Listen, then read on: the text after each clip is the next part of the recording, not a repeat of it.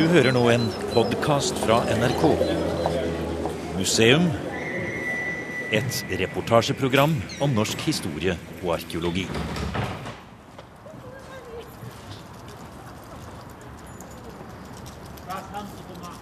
Rett utenfor Leipzig ligger et enormt krigsmonument. En 91 meter høy koloss i granitt på en høyde i en stor park med utsyn over hele det flate terrenget, horisonten rundt. No, my first time here. Um, this is uh, the biggest monument in Europe. Yes. Yes. Um, Vi blir tatt imot av Stefan Paaser, som er leder for Følkerslacht-denkmal, Folkeslagmonumentet. For her handler det ikke om første eller andre verdenskrig, men det største slaget på 1800-tallet. Folkeslaget ved Leipzig i 1813. Det, det, er vanskelig å forestille seg hvordan noe slikt som slaget ved Leipzig, hvor man har uh, hundretusener Det er jo det største slaget antageligvis i verden til den dato. Mm. Så å forestille enormt område hvor da hundrevis av kanoner fyrte løs, og altså hundretusener av disse muskettene og bulderet fra hestehovene Det må jo Nei, det må, må, må nesten ha virket som et helvete på jord.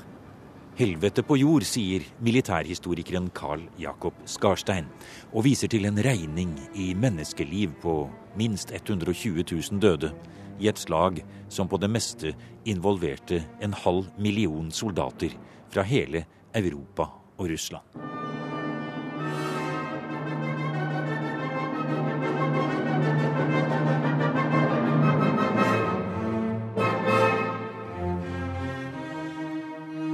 Det handler selvsagt om Napoleon, og om den svenske kronprins Karl Johan og Norge. For Norge var Karl Johans pris for å forråde sin tidligere keiser og lede Nordarmeen på de alliertes side mot Napoleon i det gigantiske slaget som ble avgjort her på slettene ved Leipzig i løpet av et par-tre dager i oktober 1813. Musikken er nær sagt selvfølgelig fra Beethovens niende symfoni. Den som er utgangspunktet for europahymnen, og som med dikteren Friedrich Schillers ord skal være et symbol på vennskap mellom folkene. Og selv om Beethoven brøt med Napoleon allerede i 1804, og skrev denne musikken ti år etter slaget, var det fortsatt slik i hele første halvdel av 1800-tallet at slaget her ved Leipzig i 1813 var det store vendepunktet for Europas utvikling mot store nasjonalstater, og ikke minst betingelsen for Tysklands samling. It looks a bit like Washington D.C. yeah, uh, it's uh, it, it's the same trick. Yes. Um, you have the impression that the monument is double Yes, uh, as great as yes. it is, Yes. as, uh, because of Selve the, the water. monumentet ligger foran et stort vannspeil i en kunstig innsjø, med en obelisk i motsatt ende. Og Paaser sier at det er gjort slik for at monumentet skal virke enda større og mektigere. At det skal symbolisere den tyske nasjonens styrke.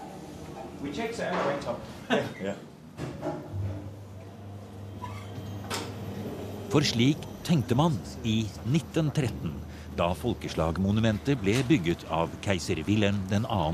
året før første verdenskrig brøt ut.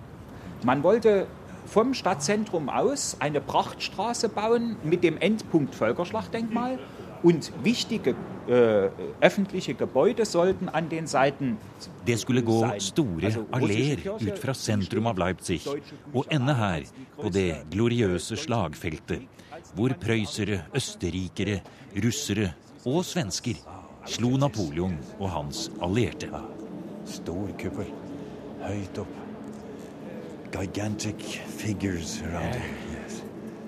ähm, they symbolized ähm, äh, Charaktereigenschaften. Ja. Ja, ähm, Tapferkeit, Tapferhet, ja. äh, Glaubensstärke, Zuversicht, Volkskraft ja. und die Bereitschaft, Opfer zu bringen.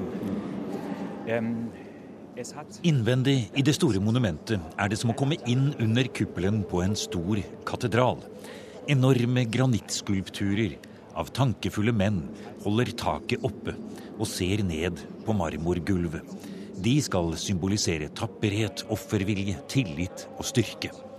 I dag virker det nesten skremmende pompøst og bringer tanken i retning arisk nasjonalisme.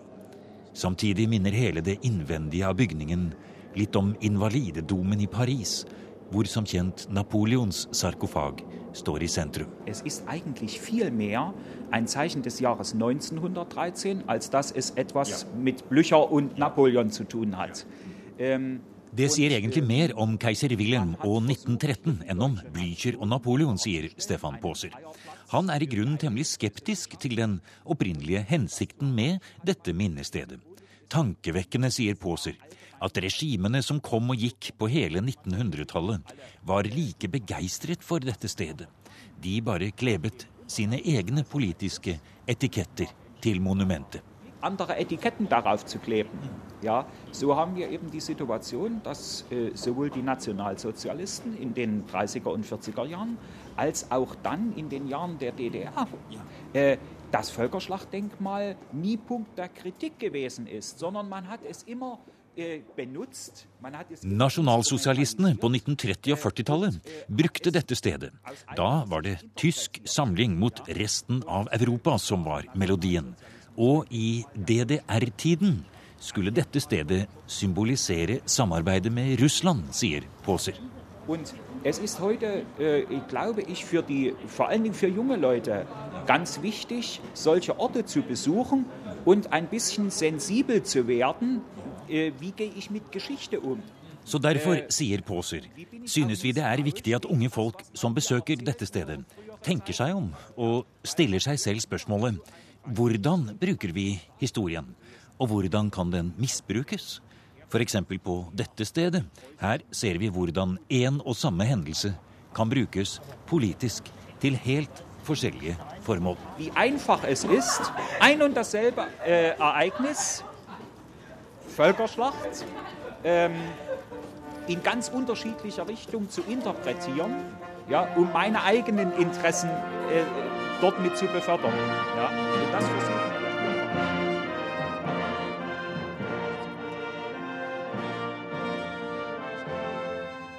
her lar vi tanken om vår tids Europa og den moderne kampen om historien hvile. Og går ut på galleriet rundt det 91 meter høye monumentet. Herfra kan vi se hele den enorme slagmarken, og vi forestiller oss hundretusener av soldater som strømmer til dette stedet i begynnelsen av oktober 1813.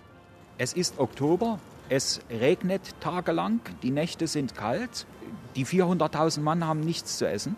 Sie wollen von Leipzig verpflegt. Inne i Leipzig bodde det ca. 35 000 mennesker og den lille byen ble totalt oversvømmet av fiendtlige soldater. Og for innbyggerne i Leipzig var alle fiender. Ikke bare fordi alt som kunne spises, ble spist, og alt som kunne brennes, ble brent på de tusenvis av leirbålene som slitne soldater fyrte opp i ventetiden før slaget. Men også fordi Leipzig er i Saksen, og sakserne var med i Napoleons forbund. Es hat immer wieder Spannungen gegeben zwischen den unterschiedlichen Armeen. Wir haben ja ein sehr buntes Völkergemisch. Wir haben äh, Russen, äh, wir haben Engländer, wir haben Preußen, wir haben äh, Schweden ja, ja. mit Finnen. ja, äh, Forvirringen må ha vært total, sier Påser. Det var alle slags språk og folkegrupper i de forskjellige armeene. Og spredte kavalerigrupper og speidere fra de forskjellige hærene beveget seg rundt i området. Napoleons divisjoner var på plass og ventet. Napoleon selv hadde sin hovedleir akkurat der monumentet står. Og på motsatt side var Blüchers store armé med prøyssiske soldater. Altså, um es ist nicht nur die Frage, wo beginnt die Schlacht. Eigentlich ist auch die Frage, wann hat die Schlacht begonnen. Man liest meistens Die Schlacht dauerte vom 16. bis zum 19. oktober. Når og hvor begynte slaget, spør Påser. Selv om de største trefningene var mellom 16. og 19. oktober, var det allerede to dager før en nesten tilfeldig trefning over en bakketopp hvor 14 000 kavalerisoldater falt. Napoleon var utålmodig, men de allierte ventet med å sette inn det store støtet. Og nettopp på det punktet er det den svenske kronprins Karl Johan kommer inn. Først ber vi militærhistoriker Karl Jakob Skarstein si litt om hvorfor i det hele tatt kronprins Karl Johan valgte en allianse med den svenske erkefienden Russland mot Napoleon. Jeg kan jo først ta utgangspunkt i Bernadottes situasjon når han kommer til Sverige. For det er klart, når han kommer til Sverige, så har Sverige nettopp tapt Finland til Russland. Og de, og de kreftene som får han til Sverige, de håper jo at denne marskalken til Napoleon da skal kunne lede dem i et felttog for å gjenerobre Finland. Men uh, Bernadotte, som den storpolitiske realist han er, han ser at det å krige med Russland er ikke det smarteste Sverige kan gjøre, og ikke det mest lovende. Og han uh, begynner da å se mer i retning av, av Norge. Han har jo, Jeg har sett i noen av dokumentene hans sånn at han er litt opptatt av makt, hva man kan si maktgeografi, at han ser hva som naturlig hører sammen. Og han ser jo da selvfølgelig på den skandinaviske halvøya og syns at det er helt strålende logisk at Sverige og Norge skal høre sammen. Og da kombinert med den uh, forståelsen av at Russland er nærmest umulig fiende, og også rent sånn strategisk med beliggenheten til Finland er også helt håpløst når du skal forsvare det mot Russland. Så da velger faktisk da Bernadotte ut fra realpolitiske hensyn å, å gå over til Napoleons fiender.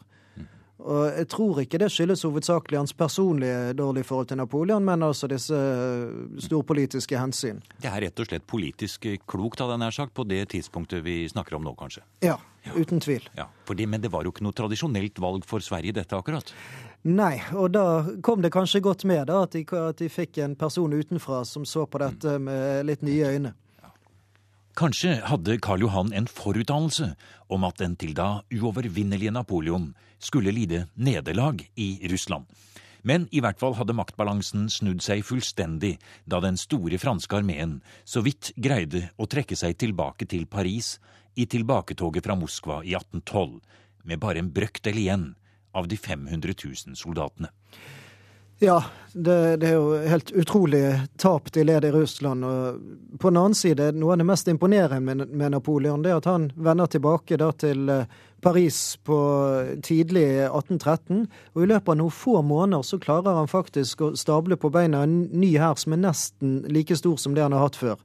Å, altså da er det jo etter hvert svært unge rekrutter han bruker. Han skraper alle garnisoner i hele Frankrike. Men han viser jo da sin organ, uovertrufne organiseringsevne fra, på sitt aller beste. Mm. Og Han klarer jo da å stable på beina så store hærer at han våren 1813 tilføyer de allierte flere store nederlag i Tyskland. Nettopp. Men hva gjør eh, Karl Johan nå, når han sitter i, i Stockholm og observerer alt dette? Han begynner jo å bevege litt på seg. Ja, da inngår han jo uh, allianse med de allierte maktene, altså ja. Russland, Prøysen og etter hvert også Østerrike og går i land i Pommern med en uh, svensk styrke, som da blir uh, stort forsterket av uh, russiske og prøyssiske avdelinger, som blir stilt under hans kommando i den såkalte Nordarmeen, mm. som skal være én av tre svære armeer som sammen kjemper mot Napoleon. Mm. Det, det, skal vise seg at han er veldig forsiktig med å bruke svenskene, men han deltar jo veldig aktivt i de allierte krigsrådene, spesielt i dette, det berømte krigsrådet et sted som heter Trasjenberg. Hvor uh, mye tyder på at han var den toneangivende når den allierte strategien ble lagt. Dette er veldig kontroversielt, men uh, og det fins et mylder av historikere, særlig engelske og franske, som, vis, som virker som de har nesten som en sport. og og, og henge ut Bernadotte som en slyngel og en forræder og alt mulig slikt. Mens hvis går man nøyere etter uh, disse tingene i kildene, så ser man f.eks. i dette krigsrådet at selv om det ble påstått at det var noen prøysere og østerrikere som egentlig la planene, så ser man at samtidige rapporter, bl.a. fra en engelsk utsending, sier helt tydelig at det var kronprinsen av Sverige, altså Bernadotte, som uh, var den toneangivende for den allierte strategien. Og det var jo ingen hvem som helst heller som satt rundt dette bordet der, vel, Skarstein? Blücher var vel en av dem? Ja. Og Blücher var jo den han skulle ha mest å gjøre med i, i kampene i dette felttoget ja. mot Napoleon. For ja. Blücher kommanderte den armeen som befant seg ved siden av Nordarmeen. Og Blücher var jo eh, den rake motsetning til ja. Ja til Bernadotte, der Bernadotte, Bernadotte var en forsiktig, litt sånn uh, vitenskapelig hærfører som, uh, som tenkte på alle muligheter før han rykket frem, så var, var Blücher mer den som hev seg rett uti det. Mm -hmm. eh, når du sier at her bidro eh, Karl Johan egentlig i stor grad med sine taktiske evner, eh, hva etter din oppfatning var det som var eh, egentlig da det helt konkrete militærtaktiske bidraget til eh, Karl Johan her rundt dette bordet? Det var vel det at, han, eh, at de skulle unngå å kjempe store slag mot eh, Napoleon så lenge Napoleon hadde bortimot like mange menn som de hadde. At de skulle vente med å utkjempe noe slag frem til inntil de hadde samlet eh, hele den allierte styrken, som gjorde at til sammen var mye større enn Napoleons hær.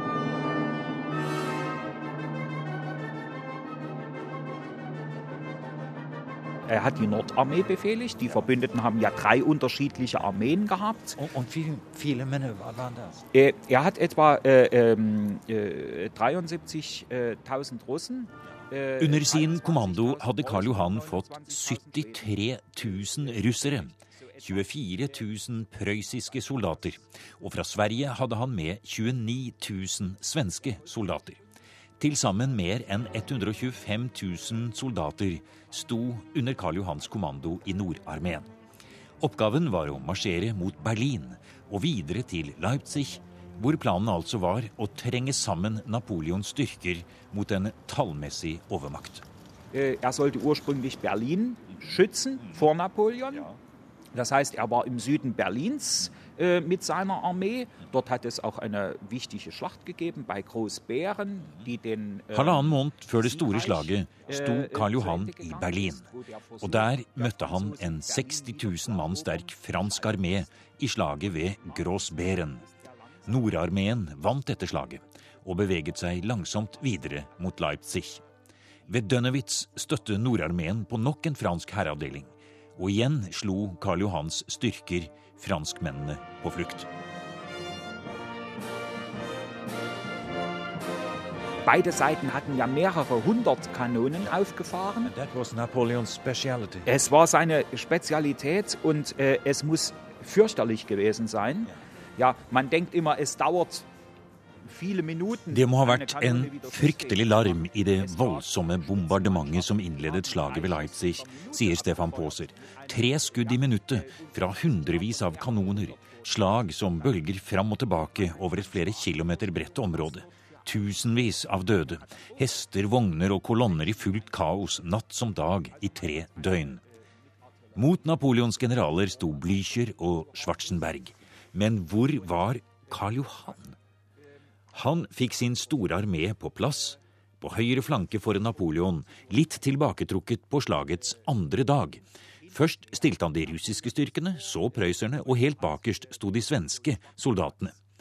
En engelsk avdeling var observatører for de allierte og brakte beskjeder fram og tilbake. Blücher var rasende og ga stadige beskjeder til Karl Johan om at han måtte angripe. Er var sehr vorsichtig, ähm, wie der alte Blücher zum Beispiel. Nicht? Äh, der wollte natürlich sofort in die Schlacht. Und, ähm, und der hat nicht äh, Karl Johann gemacht? Äh, er, er hat Karl Johann gar nicht gemocht. Er hat ihn immer als den Zigeuner bezeichnet, um ein, äh, um ein bisschen Blücher ville ha hevn over franskmennene og ville kaste seg ut i slaget med full styrke, sier Påser. Blücher kalte Karl Johan en sigøyner, og mente han både var feig og ikke til å stole på, siden han holdt Nordarmeen tilbake. Bernadotte har jo blitt kritisert, og nok kanskje litt med rette for å ha vært svært forsiktig i slaget ved Leipzig. Mm. Og han tenkte slik at dersom Napoleons retrettmulighet vestover ble kuttet, så var det sannsynlig at han ville forsøke å bryte ut i den retningen hvor eh, Bernadotte befant seg. Her eh, er nok en del av kritikken mot Bernadotte berettiget. De, de følte at han var altfor forsiktig og ikke ga det bidrag han burde i slaget. Og det er klart at hans uh, unnskyldning med at han uh, mente at Napoleon kunne bryte ut i den retningen han befant seg, mm. den uh, jeg står ikke så veldig til troende når man tenker på at han hadde i hvert fall en 100 000 mann under sin kommando. Mm. Og det er klart at når Napoleon hadde på det meste oppimot 190 000, så ville han jo bruke tid på å bryte seg gjennom, og det er jo vanskelig å forestille seg at de resterende 300 000 allierte soldatene bare ville stå og se på i mellomtiden. Ja, Og til slutt så blir dette for mye for Blücher. Ja, de, de, sender stadig utsendinger og maser på han, og, og til slutt så gjør jo Bernadotte som de vil og rykker frem. Ja. Og i, På slagets siste to dager så deltar han jo i angrepene, og det har vært kritikk for at ikke det går fort nok. Men angrep på sånne landsbyer som forsvares hardnakket, er ikke den letteste tingen i denne tidens militæroperasjoner. Uh, en uh, måte å, å, å, vise hvor store tapene var, er det en som har fortalt at under slaget ved Borodino i Russland i 1812, altså året før dette, mm så var det som det skulle ha styrtet et uh, smekkfullt jumbojet på slagmarken, jeg tror hvert tredje minutt i løpet av den dagen. Det, er så mange menn døde i det slaget.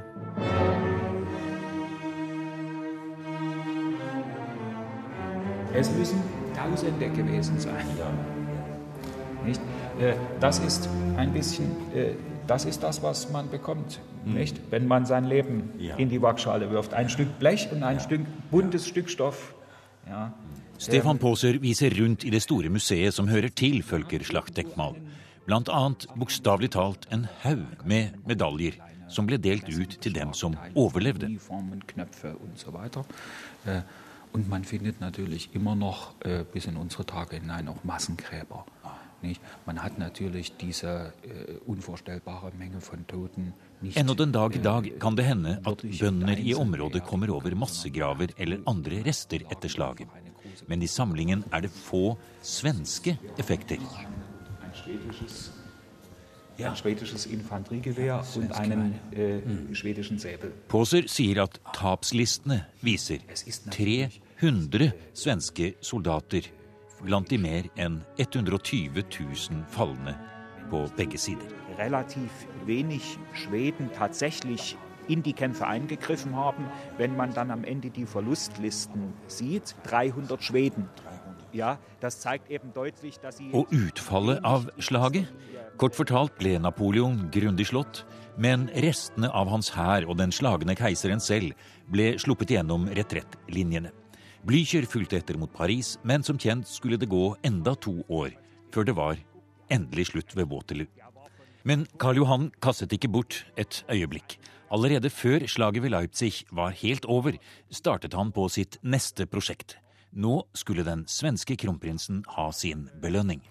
Ja, han, eh, i slagets siste fase så hadde jo da endelig de svenske troppene fått delta, så det er jo med å storme Leipzig. Og Bernadotte, som jo eh, alltid har vist stort personlig mot. Han er jo da like bak frontlinjene og er med når de rir inn på torget i Leipzig.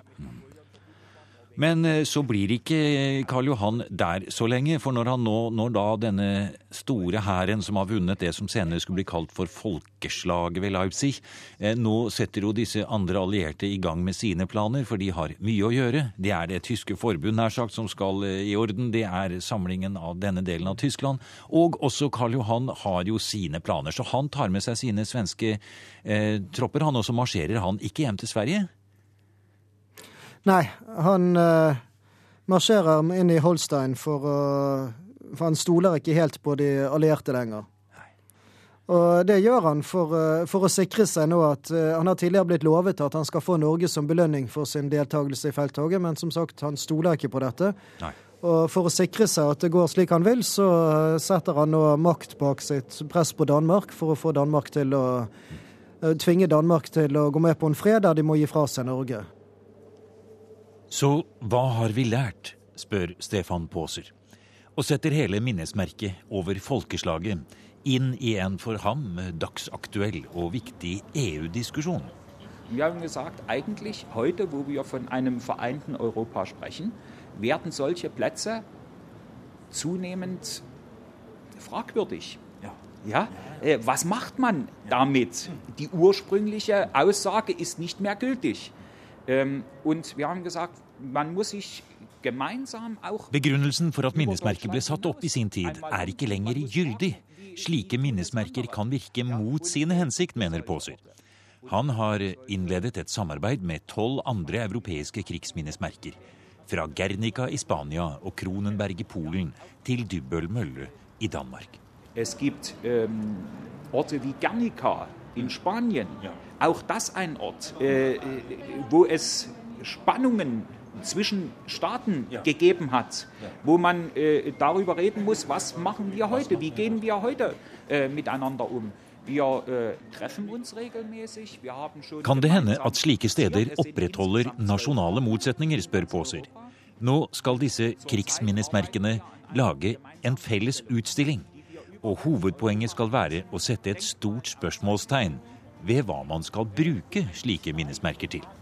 Es ist gemeinsame europäische Geschichte. Es ist ein uns äh, gemeinsames Stück, dass man, dass man sie auch gemeinsam versucht zu hinterfragen.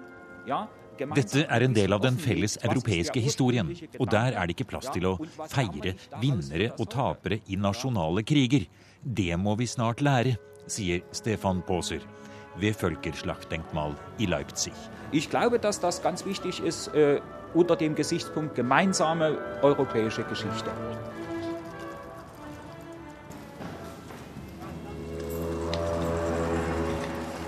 Du har nå hørt programmet Museum som podkast fra NRK.